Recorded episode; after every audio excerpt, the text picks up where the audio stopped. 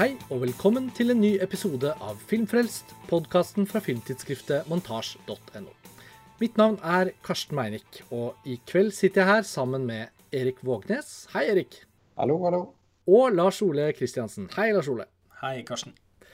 Vi tre er samlet over Skype for å snakke om John Ford.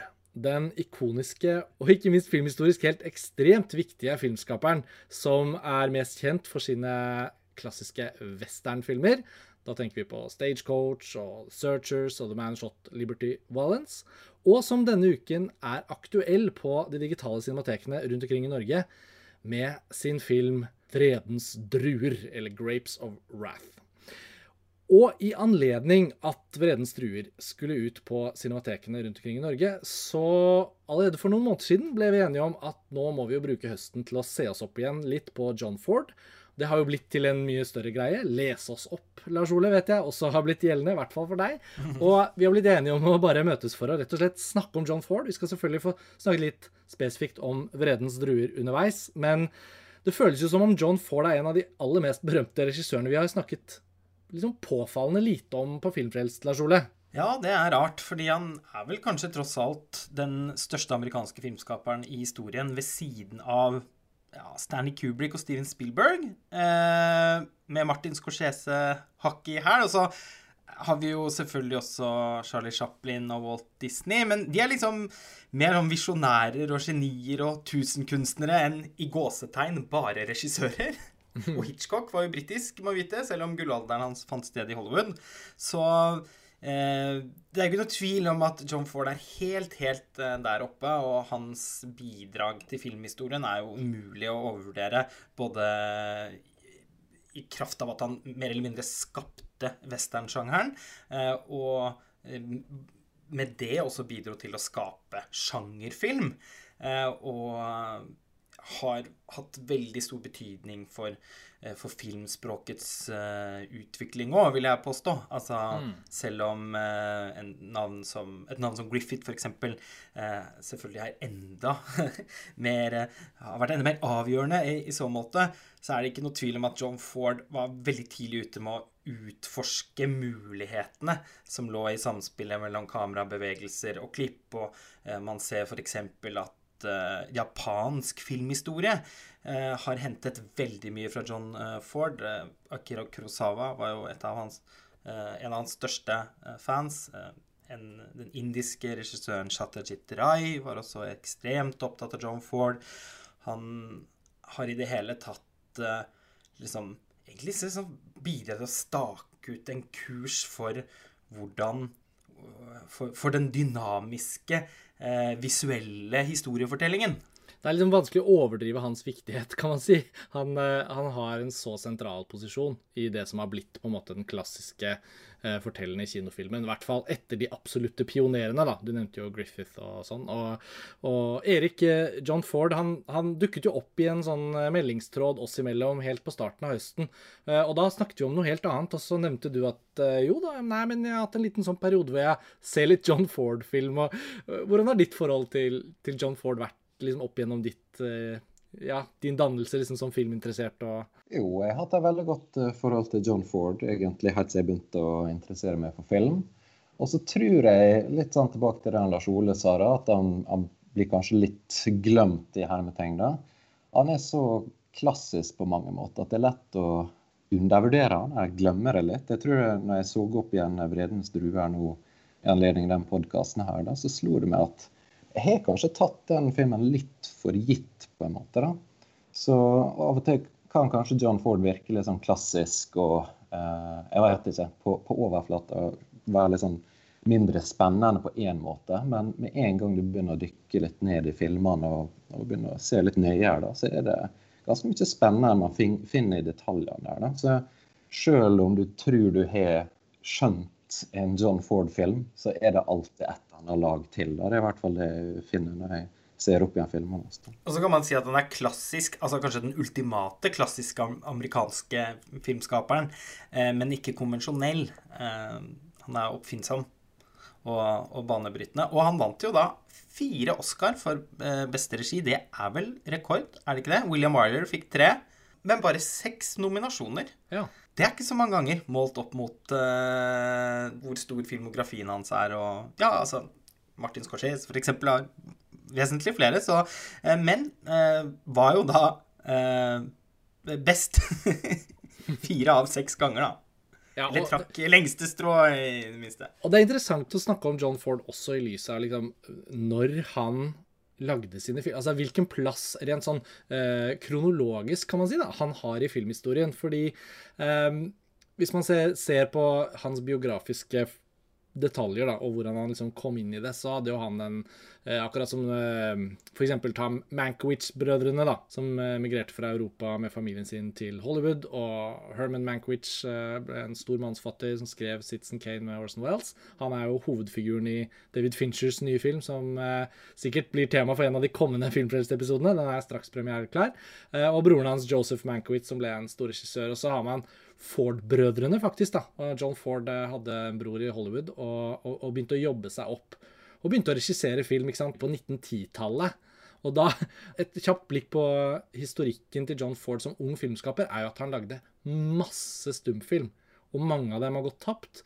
Men han hadde jo da anledning til å virkelig eh, bli vant med og bli dyktig på film. Altså filmspråklig fikk jo han liksom en dannelse mens filmspråket var som en helt sånn ny arena. Og det, det er veldig fascinerende å se at han egentlig ikke har laget så mange stumfilmer som da står igjen som blant hans mest berømte filmer. Men som han ofte sier om Ingmar Bergman, da, så fikk han så mange filmer til å liksom lære seg før han begynte å lage sine beste filmer.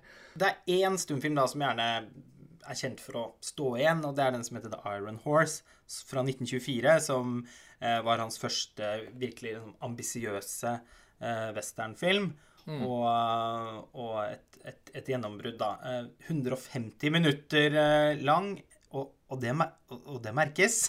Men veldig, veldig flott film. Ja, og jeg siktet ikke til at han ikke lagde noe betydningsfullt uh, innenfor stumfilmkarrieren sin, men det er interessant at filmskapere som lagde storverk i stumfilmæraen, da, uh, som er kjent for liksom, at det var i den fasen de lagde sine uh, kanskje beste filmer, eller i hvert fall lagde mange nøkkelverk eh, så får John Ford veldig sånn løft idet han på en måte begynner å finne, finne formen på det, så har han allerede fått, fått jobbet så mye med filmspråket. Da. Og det, det syns jeg er interessant, fordi han også lagde film helt til langt ut på 60-tallet. Så han har en sånn veldig lang karriere. da. Det er jo fascinerende. Seven Women eh, fra 1966 ble den siste filmen hans. Han hadde jo eh, Han gikk jo liksom svanger med noen andre prosjekter eh, etterpå. Det fremkommer i litt sånn intervjuer og sånn, men det, det, ble jo den som, som ble punktummet for karrieren. Også det er en veldig fascinerende og annerledes Ford-film med, med, kvinner i alle hovedroller. Mm. Eh, uvanlig, tross alt, for, for, for uh, Ford, som mange selvfølgelig også forbinder med uh, litt sånn macho, amerikansk macho-arketyper. Ja, også dette med at han er så kjent for sine westernfilmer og hele hans uh, Den rollen han spilte i utformingen av den sjangeren. Da. Bare for å ta disse Oscar-filmene hans, Erik. Han vant jo da fire Oscar, som Lars Ole sa i stad. det er jo ikke så mange westernfilmer her på denne listen, da det er jo interessant med John Ford at han på en måte, i hvert fall husker jeg da, at i min første fase hvor jeg begynte å dyppe fingeren ned i denne delen av filmhistorien, så, og så de mest kjente John Ford-filmene, som en del av å gå på filmskole og få vite at disse må du se, på en måte, så har jeg alltid forbundet han med westernsjangeren. Det er jo selvfølgelig, De fleste har sikkert merket seg det, men så er det jo fascinerende å se hvor mye bra film han også lagde som ikke var western. Hvordan er ditt forhold til det, den balansen liksom mellom typer av John Ford-filmer? Jo, der er, der er, veldig mye bra som ikke er western, som du sier. Eh, sånn som den første du nevner, The Informer. Den er egentlig veldig Eller den er ikke så underkjent egentlig. Den var eh, lenge regna som en sånn kjempestorverk, visstnok. Sånn Citizen Kane i sin tid, på en måte. Og så utover 60-tallet så mista han litt uh, status. Da. da begynte jo Citizen Kane å bli på en måte den store filmen. Da. Men The Informer var lenge ansett som et sånt storverk uh, i John Ford-filmografien. Og den er veldig, veldig god. Uh, den er kanskje ikke sånn dybde i, i, i historiefortellinga sådan, men, men, filmspråket den, den, er veldig, veldig hypnotiserende. Utrolig bra visuelt. Ja, for den har ikke jeg sett. Altså, hva, hva kan man si liksom om bildepoesi? Altså, han har jo øh, tidvis ofte helt sånn pustberøvende bra visuelle filmer. Ja, absolutt. Den er, den er litt sånn mørk, eh, nesten litt sånn noiraktig. Uh, spiller veldig mye på sånn tysk ekspresjonistisk stil. da. Mm. Uh, om, om, en som uh, angir kompisen sin i Dublin. Um, og så er det på en måte å ha sin anner i etterkant. da. så, så, han på en måte hjemsøkes av handlinga si. Og det, ja, det er en sånn klassisk sånn Judas-type historie. Uh, men, men utrolig, utrolig flott, altså. Den, den bør man se.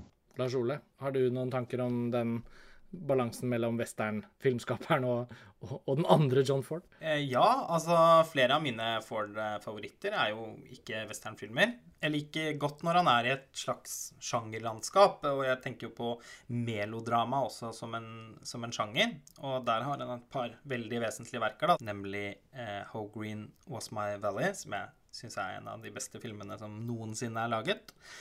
Og The Quiet Man, som er noe av en romantisk komedie som blir referert til i ET. Eh, Steven Spielberg er jo eh, en regissør jeg også kunne nevnt i stad, som er veldig opptatt av John Ford. Uh, og den froskescenen i, ET er jo en, en hyllest til den en, en, Et forblåst kyss i The Quiet Man, som vel også ET sitter og ser på TV på et tidspunkt.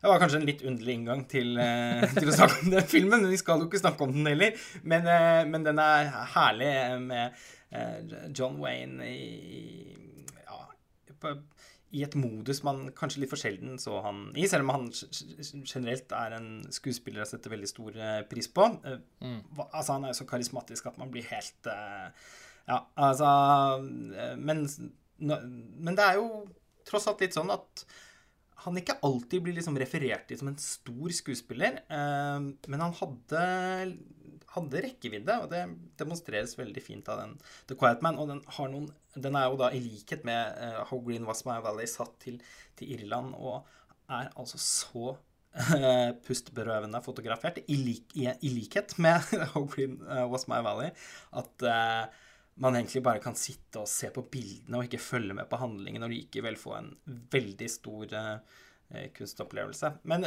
når vi snakker litt sånn kronologi og perioder i Fords Eh, karriere og sånn, så syns jeg man er nødt til å løfte fram slutten av 30-tallet, begynnelsen av 40-tallet. Da har han altså en periode som strekker seg over tre år, som nesten ikke er til å begripe.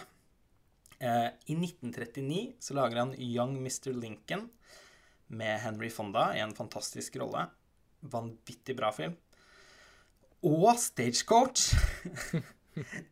westernfilmen over alle westernfilmer, på en måte. I alle fall hvis man snakker om, en, om klassiske westernfilmer. Eh, nå er jo også John Ford kongen av revisjonistiske westernfilmer, men det skal vi nok komme tilbake til. Det er senere i karrieren. Og 'Drums Along the Mohawk', som var en helt utrolig bra film. Hans første fargefilm. Eh, på ett år. Og så, i 1940, 'The Grapes of Wrath'. Og så, i 1941, eh, 'The Long Voyage Home', som jeg ikke har sett og How Green Was My Valley. Og den Tobacco Road, som jeg heller ikke har sett, men som du vel har antydet at er hans verste film, Erik. ja. Han var bare dødelig Ford også, åpenbart, men å lage de seks filmene på tre år, inkludert tre filmhistoriske klassikere og én fremragende underkjent film, det er mm. ja, imponerende. Og vi, vi pleier jo å snakke gjevt om Steven Spielberg de gangene han klarer å lage sånn to eller tre filmer på rappen i løpet av ett eller ett og et halvt år, så kanskje man skylder John Ford å trekke inn han som et eksempel de gangene det nevnes også. Det, det, det, er, det er, er, rystende sterkt levert. Er det samtidig sånn at vi kan si at den fasen du beskrev nå, Lars Ole, også er en form for sånn forløsning? Fordi ikke bare er da uh, stagecoach, naturligvis, som den er så kjent som, da, en forløsning av westernsjangeren som noe mer enn bare litt sånn tilstivnet uh, studioopptak på en måte på Hollywood. Det er jo det med at han også er en sånn filmskaper som er dristig nok til å, til å utforske og liksom gå, bokstavelig talt, utenfor studioets vegger og gjøre noe mer ut av det han, han skal filme. Da. Altså, jeg tenker det gjelder for flere av de filmene du nevner her, Stagecoach trenger vi jo kanskje ikke snakke voldsomt mye om. Den er jo den kanskje mest berømte og mest omsnakkede av eh, John Fords filmer. Men dette grepet med å da bruke locations eh, og, og, bygge opp bildene sine på en helt særegen måte Og han er jo også en filmskaper som, som med, med 'Vredens druer' liksom filmatiserer det amerikanske landskapet. Det er liksom ikke bare Uh, altså John Wayne og ikonene og alle de tingene man kan komme inn på. Men han har jo en sånn sans for den kombinasjonen, som også er jo litt filmspråkets absolutte egenart. da. Men i, i Stagecoach, for eksempel, og, og ikke minst ja, Han skulle ikke snakke så mye om How Green Was My Valley, da, men det har vært et av, store, et av mine store John Ford-hull. Som jeg nå så nylig i innspurten mot denne episoden. og Man blir litt svimmel av å innse hvor mange av de viktige tingene med film John Ford var bra på. Du kan ikke egentlig plassere han i et hjørne og si at John Ford var bare god på dette, eller jo, han er jo kjent, men Nei, jeg, jeg, tror han kunne laget eh, film om eh, Og det gjorde han jo i og for seg òg, om hva som helst. Men altså når de i de intervjuene som eksisterer Vi kan komme tilbake til hvorfor det kanskje ikke er så mange av dem. Eh, så, så, blir det jo alltid lagt opp til at han skal fortelle om sin fascinasjon for westernsjangeren. Og han er jo kjent for å ha introdusert seg selv litt sånn upretensiøst, da, med setningen 'My name is John Ford and I make westerns'.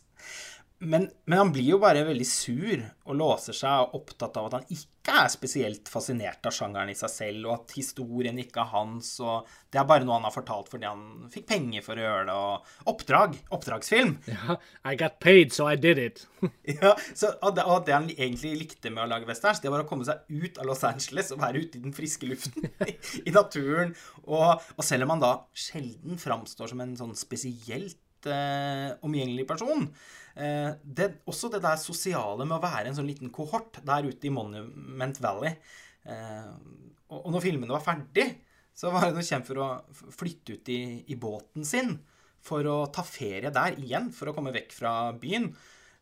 Og den, han inviterte jeg nokså ofte også sine nærmeste venner ut i den båten. John Wayne, blant annet. Eh, og postproduksjon og klippingen og sånn, det brydde han seg ikke noe om. Fordi han, han, håpet bare at klipperen skulle følge hans instrukser og klippe så lite som overhodet mulig, istedenfor å ødelegge filmen, som han mente da. Hvis man begynte å bli kreativ med klippingen og sånn. Så sånn sett så var det veldig praktisk for John Ford å bare ha skutt én tagning av hver scene, sånn at materialet måtte brukes. Og Ford var jo kjent for å alltid bli ferdig, enten i tide eller før og som regel under budsjett. Bl.a. fordi han som regel nøyde seg da med én tagning per scene.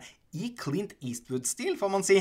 Eh, for øvrig det er også da en regissør som åpenbart er tungt inspirert av John Ford. Eh, American Sniper, f.eks. Eh, og i og for seg også årets strålende Richard Jewell har mye John Ford i seg. Og også fordi John Ford han, han, han var jo ikke noe gladlaks. Men men han var faktisk ganske glad i å improvisere og finne på gode løsninger underveis. Noe som av og til gjorde at han eh, kunne havne i clinch med fotografer, som, som likte å planlegge og vite hva de skulle gjøre i forkant av opptak. Eh, så man kan ofte få litt sånn inntrykk av at det å lage film kanskje mer enn noe annet var en aktivitet for Ford. Mm. Et arbeid og en aktivitet. Han understreker jo også veldig ofte at, eh, at det var så enkelt å lage film. Han kan ikke forstå at det, at det er så vanskelig. Bare man er fokusert og ikke lager for mange dikkedarer, og ikke blir for personlig og kunstneraktig, da er det ingen sak. Så lenge du kan håndverket. La oss snakke interessant eh, litt i sammenheng med det du sier nå, om metodene hans. Jeg tror det var i forbindelse med den The Last Hurrah fra 1958.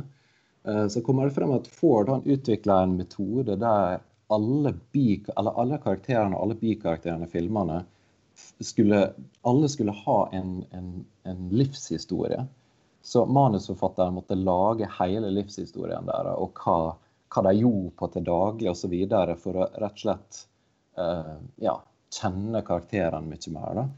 Og med en gang jeg leste det jeg vet ikke, Fikk du sett uh, The Last Hurrah, Lars Ole? Nei, du, vet du hva, det rakk jeg ikke. Og den er jo da i denne eh, nye boksen fra Powerhouse Film med Eh, med filmer John Ford laget for Columbia, som vel tidligere ikke er utgitt på eh, ja, I hvert fall ikke på, på Blu-ray, men heller så, så, vidt på fysisk format, eh, tror jeg. Så jeg hadde jo sett fram til å rekke å få sett den før podkasten i lys av eh, at du snakket varmt om den og koblet den til eh, det amerikanske valget. Det stormfulle eh, Biden versus Trump. Ja. Nei, det, den buksa kan jeg varmt anbefale. Altså, det er veldig bra, alle de fire filmene som, som er i den buksa. Men den The Last Raw, bare, det bare slo meg når jeg så den filmen. Veldig stort galleri med figurer, men alle føles så autentiske ut, på en måte. Det, han, han, klarer, I den filmen så klarer han å få alle karakterene til å komme med et eller annet særegent. Selv om noen kan være litt karikert og sånt til tider. Men, men, likevel så, så, Ja, når jeg leste det, så var det litt sånn interessant. For det, det kanskje, du ser kanskje spor helt tilbake til Stagecoach. Jeg vet ikke, Der også er det mange karakterer som man føler alle har et levd liv. da. Um, og så tror jeg også uh, det, det, du snakker om, om hva får deg interessert i det, bortsett fra på en måte westernlandskap, eller kanskje det ikke var det han var opptatt av, da, men det virker som meg at han er veldig sånn uh, Den irske bakgrunnen hans, uh, sånn som du ser i How Green Was My Valley, og, og for så vidt The Informer også, uh, og The Quiet Man, den på en måte den irske kulturen den irske slekta. Der ligger en annen slags sånn melankoli i sånn familiebånd osv. Som, som du finner gjennom hele filmografien til Ford. da. Um, som, ja, jeg vet ikke om det kanskje var mer interessant, den type tematikk enn selve disse her western-vistene. Ja, og så tror jeg han er genuint opptatt av å, å gi liv til en scene i et manus. Altså at det var en utfordring han alltid ga seg selv, selv om han ikke brydde seg om historien. Som det jo fremkommer at han ofte ikke gjorde. Eh, at han i motsetning til Altså, det å være oppdragsregissør, det er jo et økenavn. Eh, det er jo å ikke være en autør, å være en såkalt metør en. Og det er jo ingen tvil om at Ford er en autør. Eh, men han Eh, gjennom sin metode, på en måte, så, så blir filmene umiskjennelige John Ford. Men selv om jeg også tenker at han noen ganger bare ikke er så, er så gretten under intervjuer, og, og, også på en måte har behov for å mytologisere seg selv litt. Og gjøre seg selv mer mystisk enn han kanskje egentlig var. Så, så, så tror jeg nok på han at Eh, at slett ikke alt han eh, Alle manusene han, han, han bladde i, var historier han hadde et brennende engasjement for. Han laget jo også da helt ubegripelig mange filmer. Det, eh, men når signaturen likevel er så tykk, da, så, så, tror jeg det handler ganske mye om liksom, måten han jobber på, hvordan han eh, visste hvordan han skulle skulle få karakterene til å bli eh, mennesker som var interessante å følge, og, uh, og hvordan historiefortellingen hele tiden skulle være i bevegelse gjennom å kutte ned uh, dialogen ofte til et minimum. Ofte veldig sånn korthogd, fengende dialog i, i, i Ford-filmene. av og til fylt av litt sånn nødvendig eksposisjon og sånn, men han er innmari god til å fortelle visuelt. Det er et helt vanvittig driv i I hvert fall i de beste filmene hans. Mm. Den filmen du nevner, Erik, eh, 'The Last Hurrah', jeg har heller ikke sett den før vi bare forlater det, for det er så lett å hoppe fra film til film. Kan du si litt mer om, om hva slags uh, film det er? For dette med at John Ford-filmer er samlet i en sånn flott ny utgivelse, og det er liksom John Ford at Columbia, uh, det må jo åpenbart handle om at han var jo veldig kjent til å være en regissør hos The 20th Century Fox. Det er så mange av disse storfilmene som er Fox-filmer produsert av Daryl Zanuck. Det er sånn fast film på film. Det er utgitt en sånn sensasjonelt massiv boks uh, som jeg er den lykkelige eier av, som heter Ford at Fox. Ja. Der er det mange filmer.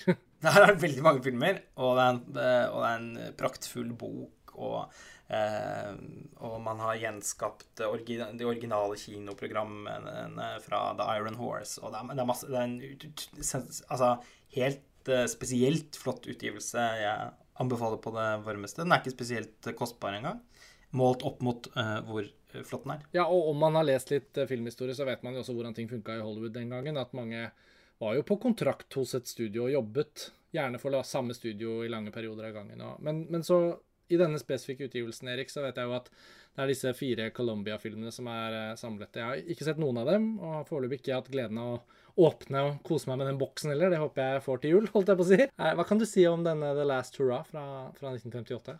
Nei, jeg, hadde, jeg, fikk veldig sansen for henne. Jeg så jo den eh, rett etter det amerikanske valget, som Lars Ole nevnte.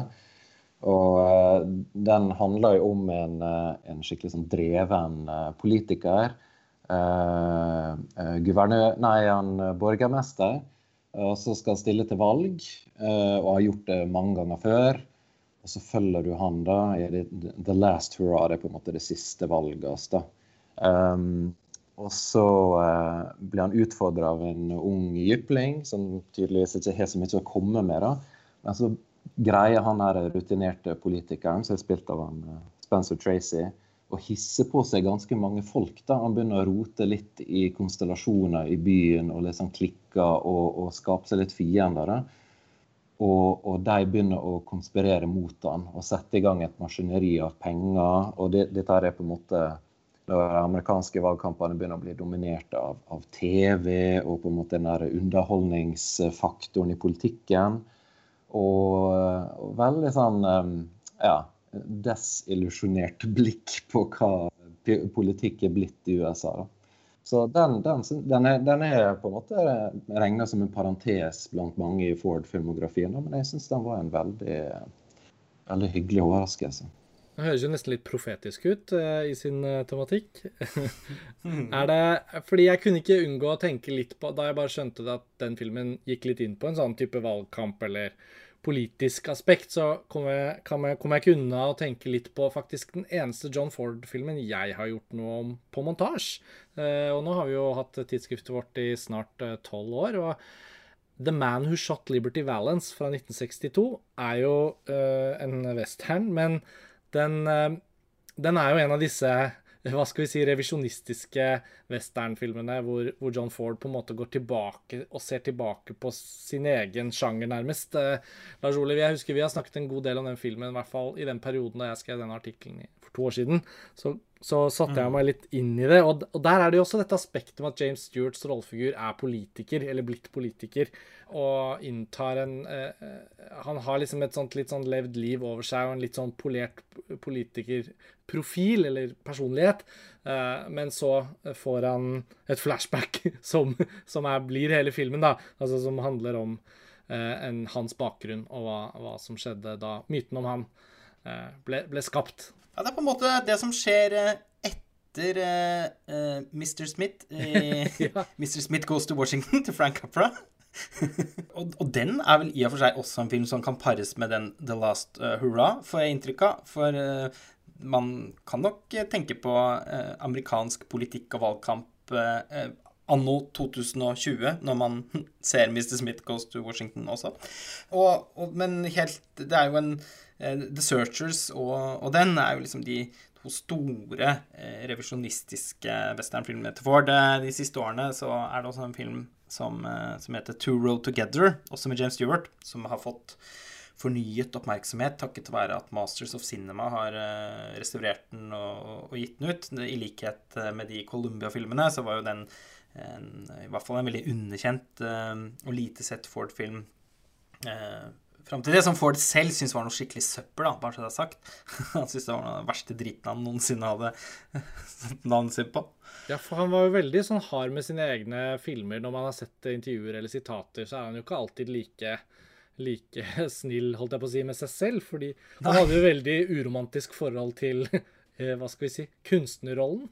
Ja, det, det får man si. Og til all form for liksom Altså all form for skryt eller anerkjennelse og sånn prellet av som vann på gåsa, så har jeg fått inntrykk av han eh, det, Ja, det var en jobb, og han, han, gjorde det for å tjene penger. Og det var ikke noe som han, han, mente liksom at det ikke var noe særlig av det han gjorde som var så spesielt. Heller til og med liksom innsatsen i andre verdenskrig eh, var jo noe han, en jobb han fikk betalt for. Selv om det åpenbart var veldig sånn heltemodig, så eh, syns han det, ba, det, blir noe tøys, eh, mener han da. Ja, så Det er vel den, den ene propagandafyren han, han, var jo Han jobbet jo da med å lage propagandafilm for den amerikanske staten, Forsvaret, mens han også eh, tjenestegjorde under andre verdenskrig. Og en av de propagandafilmene den ligger også på Netflix, bare som et sånt generelt tips. da, 'Battle of the Midway'. Um, der er det jo også uh, uh, velkjent anekdote, sann anekdote, om at uh, ja, han er på et skip som også da angripes av japanerne, men plukker opp et 16 mm-kamera og filmer de bildene man får se i filmen. da. og ble selvfølgelig såret i tillegg, da. Fikk noe sånn shrapnel og måtte liksom slite med helsa i flere år etter krigen. Og jeg må også bare skyte inn her at det er en liten miniserie på Netflix som heter Five Came Back. Den er helt fersk. Den kom for to-tre år siden. Ligger på Netflix. Og den handler om fem store Hollywood-regissører som var etablerte på 30-tallet, men som under andre verdenskrig eh, meldte seg til tjeneste og jobbet da som filmskapere på vegne av den amerikanske forsvaret og staten for å på en måte både delta i krigen, men også gjøre det de kunne best. da. Eh, og Der er John Ford en av de filmskaperne som portretteres. Det er en utrolig interessant og fascinerende eh, dokumentar. Og John Fords historie der kaster jo også lys over den typen John Ford man har liksom hørt om og lest om.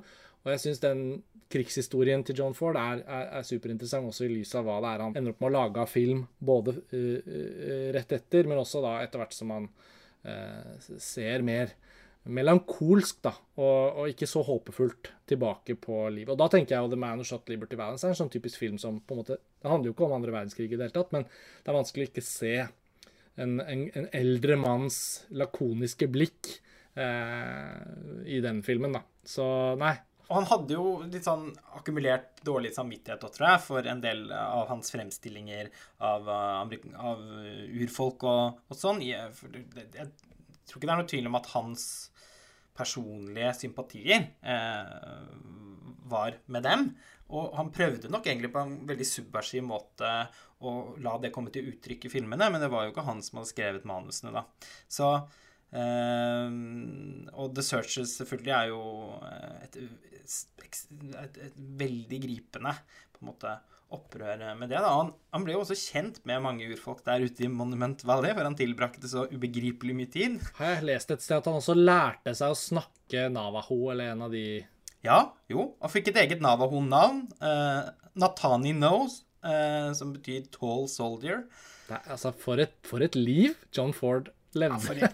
Ja, jeg vet at vi har en podkast som handler om filmer, men det er jo litt fristende Jeg vet at du har liksom kikket litt inn i filmbøkene og sånn, Lars Ole. Det er jo litt fristende å snakke litt om hvem John Ford også var som type. For han er jo helt grenseløst fascinerende. Ja, altså James Stewart har sagt noe morsomt. Uh, Take everything you've, you've heard, everything you've ever heard, and multiply it a hundred times, and you still won't have a picture of John Ford. Eventuelt 'Take everything you heard, everything you ever heard'. uh, og, og, og uh, Peter Bogdanovich uh, i, i, sin bok 'John Ford', som da er skrevet med utgangspunkt i at han gjestet Ford sin innspilling av Cheyenne Autumn i 1964. Mm. Den åpner opp Ford veldig, og i en hjertelig tone, fordi Bogdanovich er jo da også, Ettersom de ender med å komme godt overens, og John Ford egentlig er veldig søt med den unge Bogdanovich, som kommer ut som, som, som, som gjester i innspillingen og i noen uker som journalist. Eh, og så får de et litt sånn blanda forhold etterpå. Bogdanovich lager jo en veldig god dokumentar om han. Eh, der er han i veldig dårlig humør. Altså, altså, John Ford. Ja, da, tenker du nå på Jeg har ikke sett mer enn bare noen klipp, da, men jeg har jo sett det ikoniske klippet som i hvert fall ligger på YouTube, hvor John Ford ja. er verdens vanskeligste intervjuobjekt når Peter Bogdanovich stiller noen spørsmål. Ja, det er nok Bogdanovich kanskje litt skuffet i og med at uh, Ja, da, på det tidspunktet har de alle noen år på å varme opp, da, oh, ja. på en måte. Er bare, jeg må lese rett og slett et utdrag fra altså det er, Dette er det aller første som står i, i boken. Uh, det er som følger The morning after I arrived on the Cheyenne Autumn location in Monument Valley, the unit publicity man met us for, a breakf for breakfast to ask what was my assignment for Esquire. John Ford, I said. He turned ashen. Oh no. Yes, I said. Oh, no, no, no, he said again, and looked around nervously, as though to make sure we hadn't been overheard. I asked what was the matter, and shakily he tried to explain that Mr. Ford never granted interviews, hated reporters, shunned publicity, loathed talking about his movies, and was simply unapproachable by anyone. I got the rather clear impression that this aging and by now almost haggard fellow would rather be swallowed up by the earth than risk even the thought of mentioning to Mr. Ford that I was anywhere within a thousand mile radius. Og så modererer eh, Bogdanovic seg etter hvert, da, fordi han opplever at eh, den festningen på en måte som får da bygget rundt seg selv, eh, den, den er, at, at, den på en måte mest er for å eh, bevare en konsentrasjon og beskytte de relasjon, viktige relasjonene han har med, med, med skuespillerne og med, med, andre filmarbeidere, og eh, at eh, han, når han først da får sansen for noen, eh, at han er sjenerøs, som han da eh, er overfor eh, Bogdanovic, da, som får lov til å være her lenger enn opprinnelig planlagt, og får være med og spise, bli invitert til å spise middager og eh, Ja.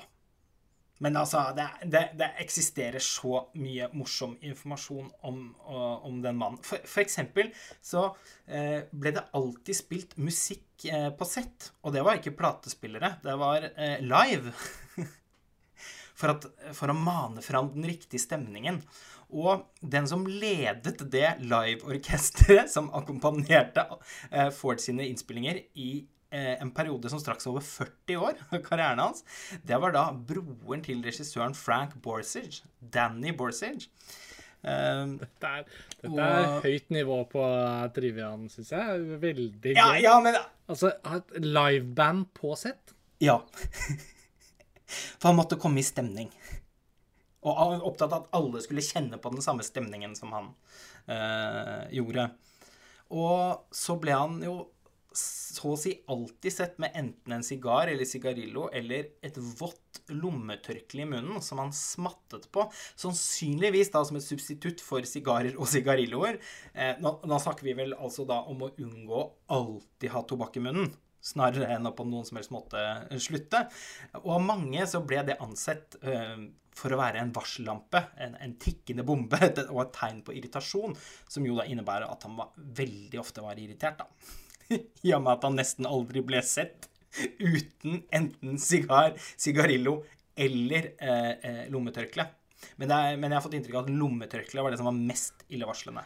Altså det... Fordi hadde han sigaren, så hadde han jo en glede av den, mens lommetørkleet, det var eh, Da var det fare på ferde. Det er vel ingen tvil om at vi anbefaler folk å oppsøke eh, i tillegg til Og du skal få lov å fortsette, Lars Ole. Jeg må bare skyte inn at eh, hvis man gjør noen søk på YouTube på noen av disse John Ford-intervjuene og dokumentarene, så kommer det opp noen resultater, og det er høyst anbefalt. Ja, det, må, eh, det er veldig varmt anbefalt. Ja, altså, jeg har bare én ting til som jeg må si som jeg også syns var så morsomt. At uh, John Ford eh, pleide å invitere til kortspill.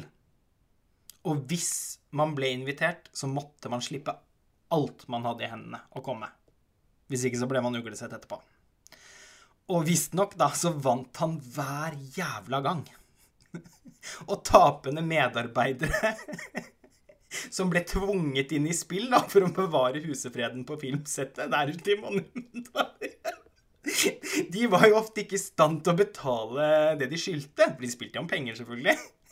Så de fikk da nye arbeidsoppgaver for å kompensere! Ja. Å, det er noe av det morsommere jeg har hørt. For det, han, han, fremstår jo på ingen måte som en spesielt myk og trivelig person, men i, i noen av intervjuene viser han stor sans for humor. Um, og ja, på den, uh, på den um, Man vet jo det å være grei og være morsom er jo ikke to sider av samme sak. Og på Stagecoach Criterion-utgivelsen så ligger dette over timeslang intervju han gjør med en ung britisk journalist fra 1968. Så han er ganske gammel. Ja. Det er i hvert fall bare Ja, det var helt fantastisk. Det var det siste jeg så som oppvarming til episoden. Uh, det kan også anbefales. Men, men uh, ja, altså Erik for å da prøve oss litt på denne Vredens druer, som jo bare er en av mange av disse enestående John Ford-filmene, så, så er det jo en av de kanskje den mest ikoniske filmen, basert på den mest ikoniske romanen om den store depresjonen eh, i USA på 30-tallet, og i verden for øvrig, men dette er jo da en historie satt til USA. Hva slags forhold hadde du til Vredens druer nå fra, fra, fra gammelt av? For vi alle har jo sett den på nytt eh, i forbindelse med episoden, men eh, det slår meg jo som en film som kanskje også nytes best når man er kanskje litt, litt eldre. Jeg vet ikke om det ville vært en sånn perfekt inngang til John Ford? Jeg vet ikke, jeg så han ganske tidlig. da. Det er sikkert en 15 eh, år siden jeg har sett han sist. Um, og hadde et veldig godt inntrykk av han. Uh, og så har jeg på en måte bare katalogisert han uh, som solid, ikke sant? Bare bra. Um, og jeg tror det var det når jeg så han igjen nå i helga, da, så tenkte jeg ja, det er litt lett å ta den for gitt, på en måte. At den er litt sånn satt. Men der er veldig mye spennende spennende i han egentlig, selv om det er kanskje enkelte ting som ikke fungerer så godt.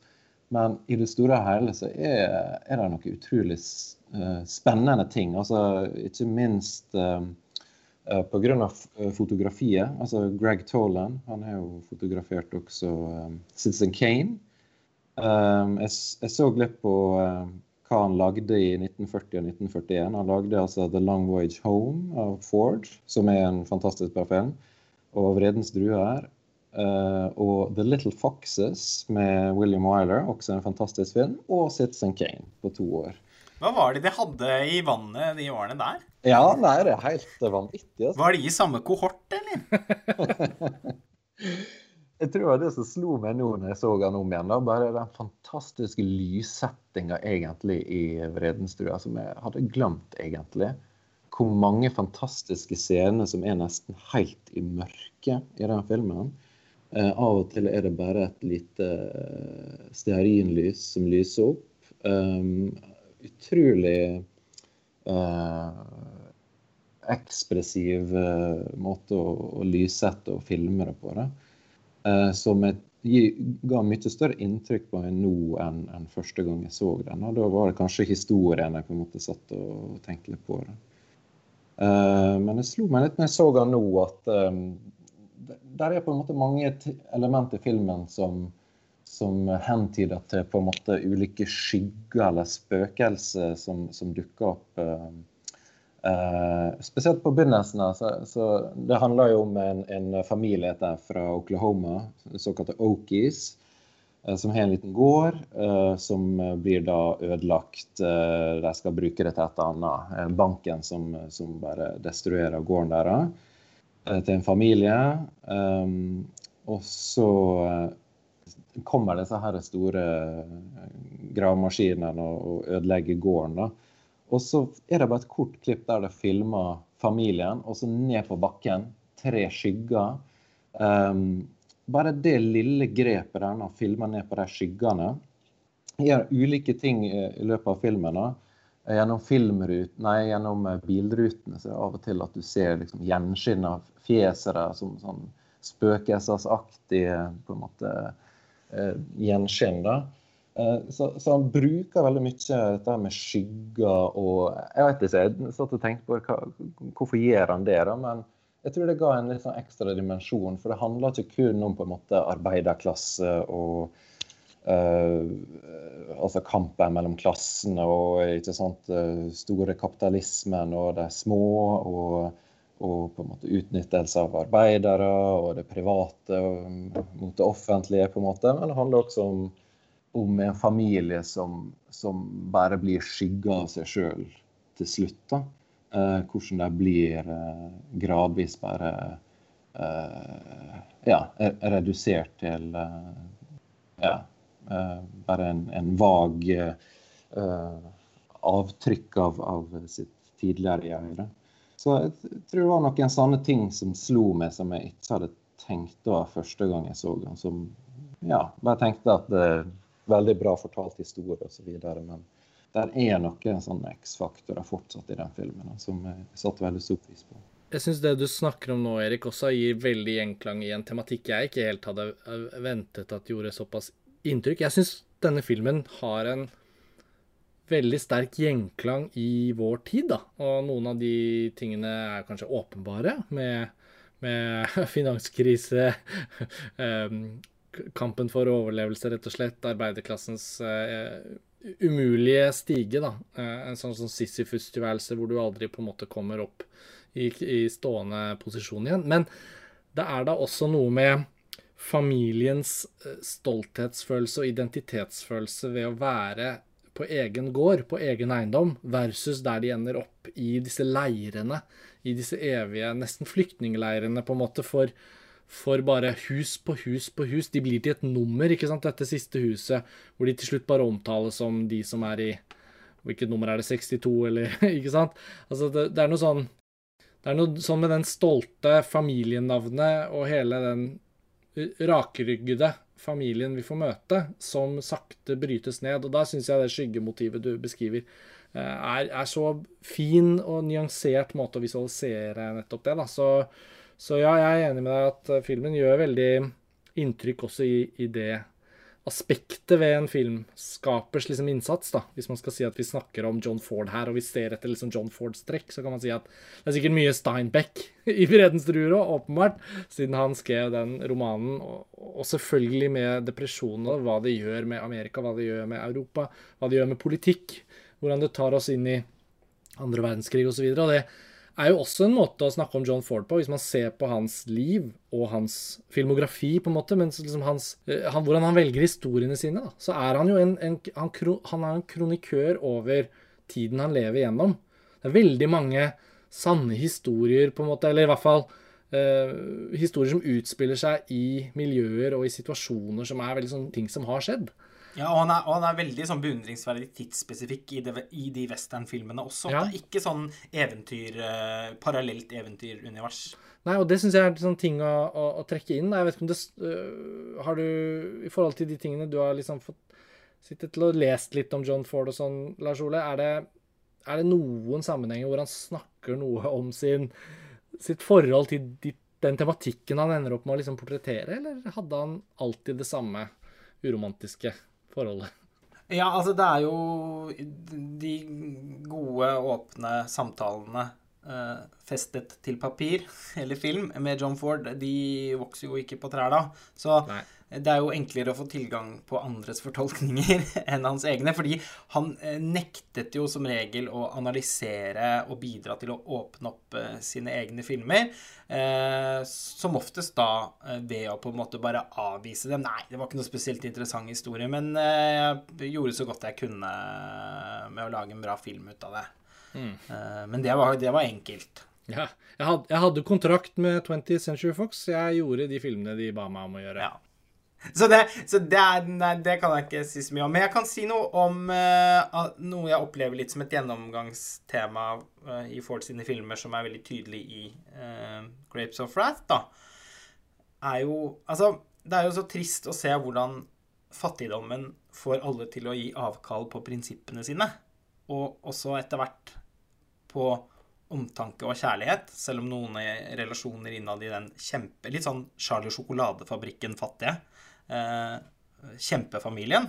Stå, selv om flere av de relasjonene er veldig sterke, så, så, er det jo innmari trist å se hvordan familien etter hvert da slår, sprekker. Eh, det blir jo eh, sagt i klartekst på et tidspunkt av hun Jane Darwell, som gjør en helt fantastisk rolle som ja, Det er jo ikke én mor i den familien, for det er flere generasjoner med mødre. Men eh, hovedmoren, og moren til Henry Fonda, eh, sin, sin rollefigur, hun vant jo altså da Oscar for den rolleprestasjonen. Eh, innmari fortjent. Eh, og det er noe med at John Ford er liksom gjennomgående, sånn som jeg leser han, i hvert fall veldig skeptisk til ideologier.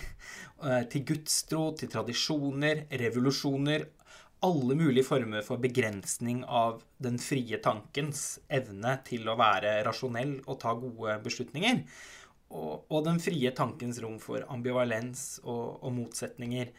Uh, og han er jo, selv om han da i intervjuer og sånn er veldig opptatt av å ikke være noen ideolog, uh, så Å lese filmene sine, skrive dem inn i, i skjemaer, så er jo det også Den ideologikritiske holdningen hans er jo en ideologi, det også. Eh, og det, han bærer jo liksom på en melankoli eh, på Amerikas vegne, syns jeg. De, de, fleste av filmene til Ford, på tross av at de er så underholdende, er ikke særlig oppløftende hvis man tar de litt nærmere eh, øyesyn. Ofte veldig mørke og, og tankevekkende. Og The Grapes of Wrath er jo på en måte neorealisme før den italienske neorealismen. Eh, like autentisk eh, og, og rå. Og spor av det kan man også finne i, hos f.eks. William Wyler. Jeg ble nylig slått fullstendig i bakken av hans uh, mesterverk, 'The Best Years of Our Lives'. Uh, en av de beste filmene om Amerika jeg har sett. Og en enda større film enn 'The Grapes of Rat. Uh, men det er jo eh, Når man tenker på Hollywoods gullalder, på en måte, så er det jo ikke de eh, Så er det jo ikke fortellinger om eh, om arbeidere og slitere eh, og, og, mennesker som, som, som, er så sultne at de nesten ikke klarer å holde seg våkne, man tenker på. så eh, jeg, jeg, opplever den filmen som veldig moderne for, eh, for sin tid. Mm. Eh, og så har den noe sånn veldig sånn for eksempel så er det noe med de litt sånn melodramatisk forblåste studioiscenesettelsene og sånn, som nesten får et sånn gotisk preg. Uh, og nå har jo Erik allerede snakket så fint om, uh, om Greg Tolan sitt arbeid. Må, det er jo imponerende på en måte hvor lite shot reverse shot som er i den filmen. som man i samme periode da f.eks. vil kunne finne ganske mye av i filmene til ja, Frank Capra eller John Houston. Ikke William Wyler. det, det ja. Men, men, det som slo meg nå ved, ved gjensyn, mm. uh, utover at filmen er innmari gripende og, uh, og, og, vanvittig godt spilt, uh, så, så, er det at, at jeg syns den er At den er veldig moderne, rett og slett. Altså sånn Den har en sensibilitet som er litt sånn forut for sin tid. Ja, det tenkte jeg mye på. At den eh, den føles uh, for, for, de av lytterne, eller de som måtte velge å, å gå og se da. Vreddens druer nå, uh, mens den vises på cinematekene, så er det jo uh, en film verdt å oppsøke, også fordi noen ganger er det litt betryggende at en veldig gammel film, da, eller en gammel bok, altså no, noe kunst som ble uttrykt før vår tid, også handler om det vi går og tenker på på en eller annen måte. Og, og om du gjør det i direkte betydning eller i overført betydning, eller, så har det likevel en egenverdi. Og noe av det som føltes moderne med Vredens drue for meg, var ikke egentlig de helt konkrete tingene, men det var bare en sånn, en sånn følelse av rollefigurenes vilje til å gripe liksom livet sin, sitt an, selv om usikkerheten var så overveldende. Eh, og at det var på en måte noe håp i det. At eh, selv i møte med den verste pandemi sett siden spanskesyken, liksom, og selv i møte med tidvis voldsomt deprimerende nyhetsbilde eh, i 2020, da, som vi nå sitter her og drar oss gjennom, og håper på at 2021 blir bedre, så er det et eller annet litt sånn betryggende over at ja, fortellingen i Vredens druer, da, den har mange rollefigurer som, som, som, går det som egentlig er en helt håpløs tilværelse i møte, men de forsøker likevel å, å finne styrke i sine nærmeste relasjoner da, og kanskje la den store verden være som den er, og, og holde fast ved det som gjør dem til en god familie. Og jeg liker så godt i denne fortellingen Det syns jeg var veldig gripende. Hvordan de på en måte holder sammen. At ikke det er en sånn konstruert dramatikk om splid innad i familien, men at de virkelig, på tross av alt som skjer, så, så har de sånn, et sånt samhold som eh, kanskje er litt sånn basic og litt opplagt. Men å se det utspille seg i et sånt drama som denne filmen forteller, så, så, så ble det veldig gripende på meg. Mm, jeg er helt enig. Og og så slo meg nå, da, så er egentlig en sekvens jeg ikke bitt meg så mye merke i før, da, men denne dansen på, mot slutten av filmene mm. uh, Jeg bare syns den var så utrolig gripende nå, da, når, når um, Tom Jode danser med, med, mora si på en måte mm. siste gang mm. mens han synger til henne litt sånn betryggende. Jeg, jeg, tror, jeg, tror, det er kanskje det John Ford gjør så bra. da Han klarer å få fram en type fin sentimentalitet uten at det blir uh, for mye eller for billig. Uh, han klarer å finne akkurat de rette dosene med, med litt sånn sentimentalitet, da, uh, som jeg syns er veldig gripende. Og, og, bare den dansen på en måte mellom, mellom de to. da, og så Jeg skulle ønske egentlig at filmen slutta etter han tar farvel med henne, og du ser han på en måte springe over fjellet eller et eller annet sånt. Mhm. Ja, det tenkte jeg på. Den burde jo den, den burde ha sluttet der, ja. Ja, den burde det. For den, den, den slutten som kommer, den, den føles litt sånn på, påtatt ut på en rar måte. Veldig sånn politisk eh, budskap om at de er folk og Jeg vet ikke. Jeg, jeg, følte den slutten var litt sånn Ja, jeg skulle ønske de bare klippet den litt tidligere. Det er klipperen sin skyld, vet du. Ja. og, og, de forferdelige klipperne. Men syns dere ikke også at How Green Was My Valley da, er en film som speiler eh, Vredens druer veldig flott? Altså, den har noen åpenbare fellestrekk, men også bare det med sønner som må plukke opp ryggsekken og dra av gårde for en bedre fremtid, og at det liksom aldri følges opp noe særlig. Jeg syns det var et veldig flott element ved How Green Was My Valley, at den på en måte ikke den filmen tok aldri det lange steget ut av den gruvelandsbyen i Wales et eller annet sted, eh, hvor det så åpenbart var så mange rollefigurer som forsvant ut av fortellingen på forskjellige måter. Men det at den liksom sto så fast ved den der gata opp mot kullminen og Ja, og de enormt eh, vakre miljøene, sånn helt sånn sensasjonelt vakre miljøene rundt. Ja, men det var likevel så Ja, det var litt sånn gripende at liksom når noen var sånn Nei, nå, jobb, nå har jeg mista jobben, og nå blir det å dra til Amerika. Så var det liksom adjø. Ja. Det eneste stedet i filmen hvor vi hører noe mer fra dem, så er det en liten oppsummering av hvor de har endt opp, da. På forskjellige steder på jorden. Og, og det er også noe sånn litt klump i halsen over, over det, da. Eh, på merkelig måte at i begge disse filmene, 'Vredens druer' og 'How Green Was My Valley', da, to John Ford-filmer som ikke er typiske westernfilmer, kan man si at 'Vredens druer' på mange måter er en slags ja, i hvert fall en reise på tvers av westernlandskapet, får man si. Men mer av en road movie, i så fall? Eh. Ja, mer av en road movie. Og jeg er nok den av oss tre som har sett færrest John Ford-filmer, da, og syns denne lille sånne raptusen inn mot denne podkastepisoden har vært utrolig inspirerende.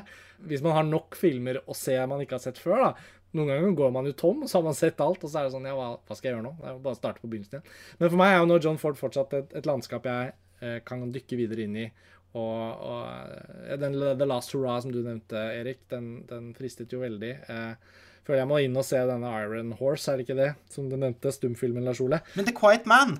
Ja, den har jeg ikke sett. For mm, det, det, er, den. liksom den perfekte double bill på en eller annen måte med How Green Was My Valley, da.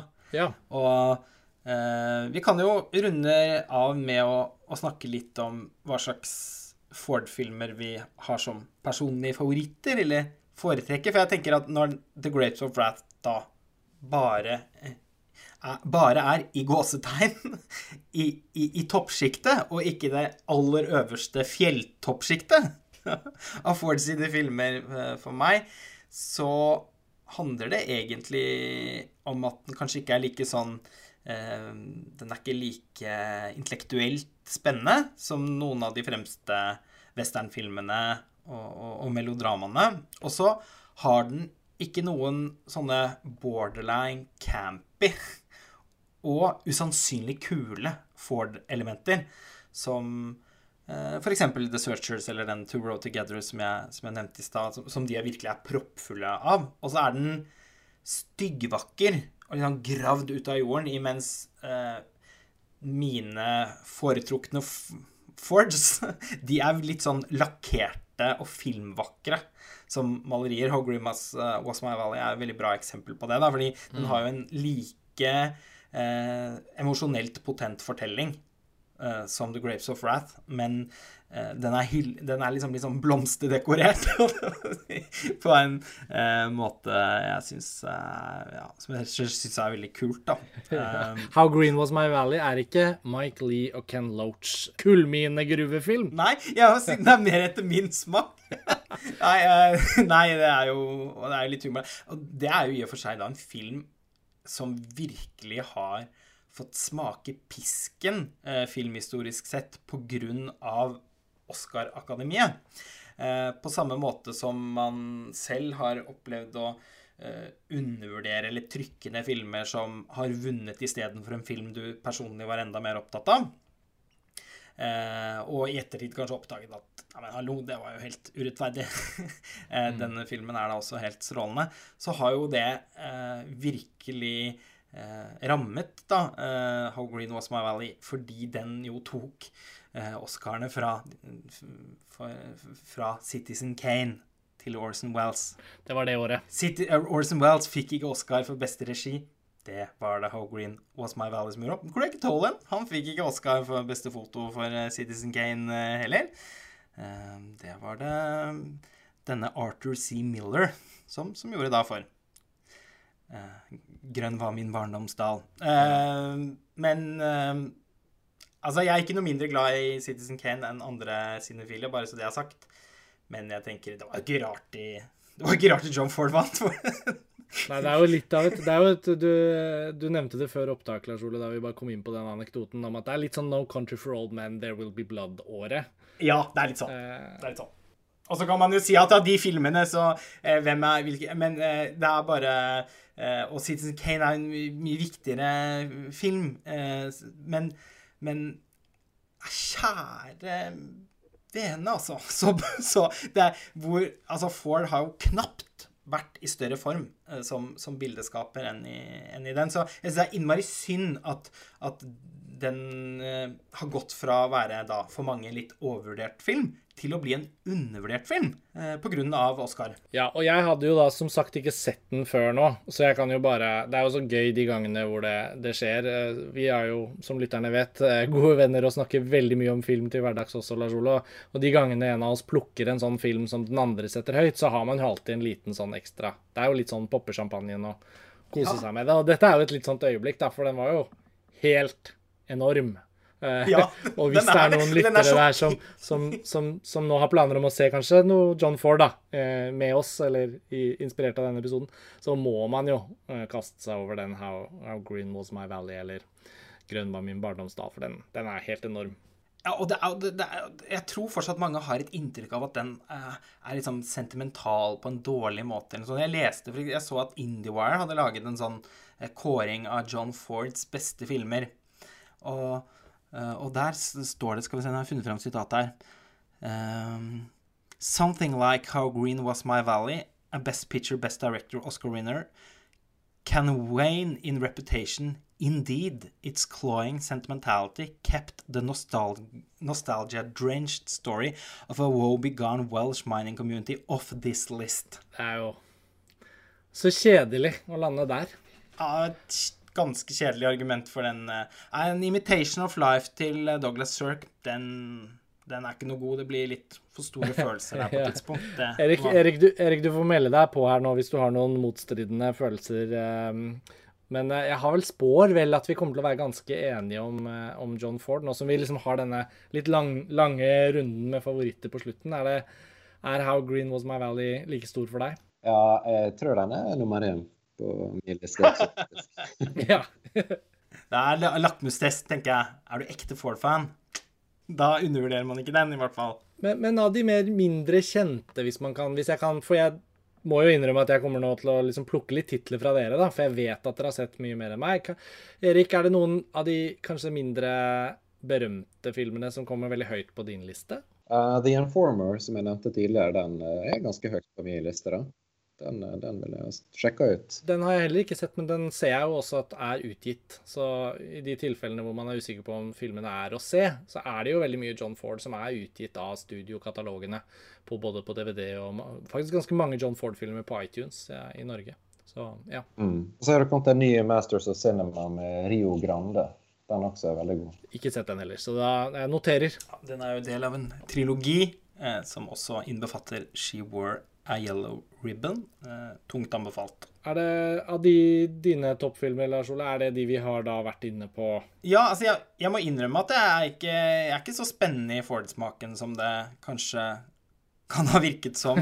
Eh, jeg vet ikke om det, om, om det har virket sånn, men eh, Nei, jeg er egentlig ganske kjedelig. Altså, The Searchers er min soleklare favoritt.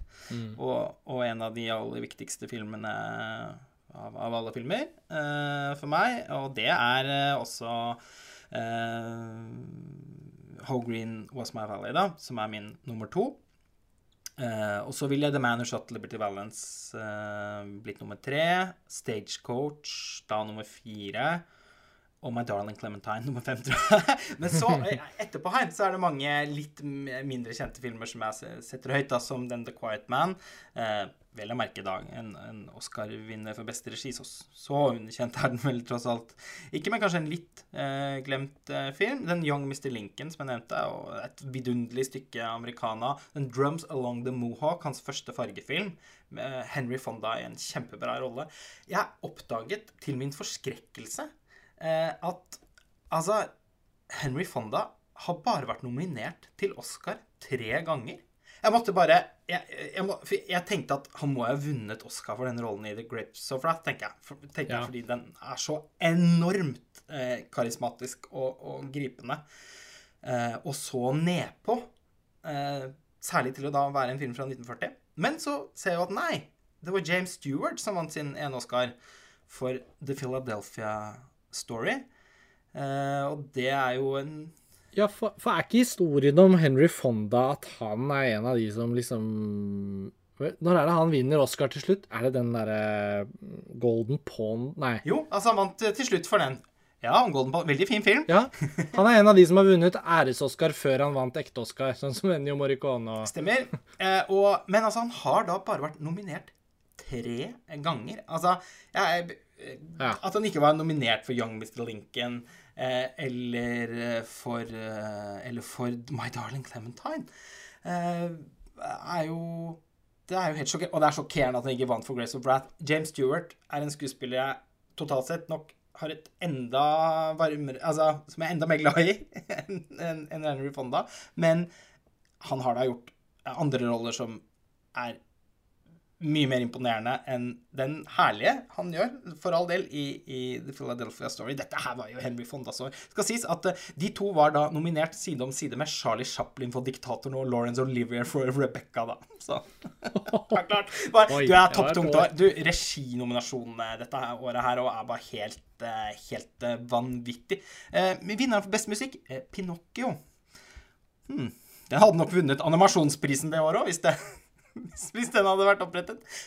Og de nominerte for beste regi er eh, John Ford, som da vant for The Grace of Wrath, og Alfred Hitchcock for Rebecca, George Cukor for The Philadelphia Story, William Wyler for The Letter, og Sam Wood uh, for Kitty Fall, ikke like kjent da. Men hallo! Vi har liksom Chaplin, Disney, uh, John Ford, Hitchcock, Cukor, William Wyler. Ho! ja, eh, det får man si. Ellers er jeg sånn nyforelsket da, i en film jeg nettopp har eh, sett. eh, Two Road Together. Som jeg har hatt på hylla siden den ble utgitt, da. På Masters of Cinema. Men den, den utgivelsen, den Jeg holdt på å si den fant sted. etter jeg hadde min sånn store John Ford-periode.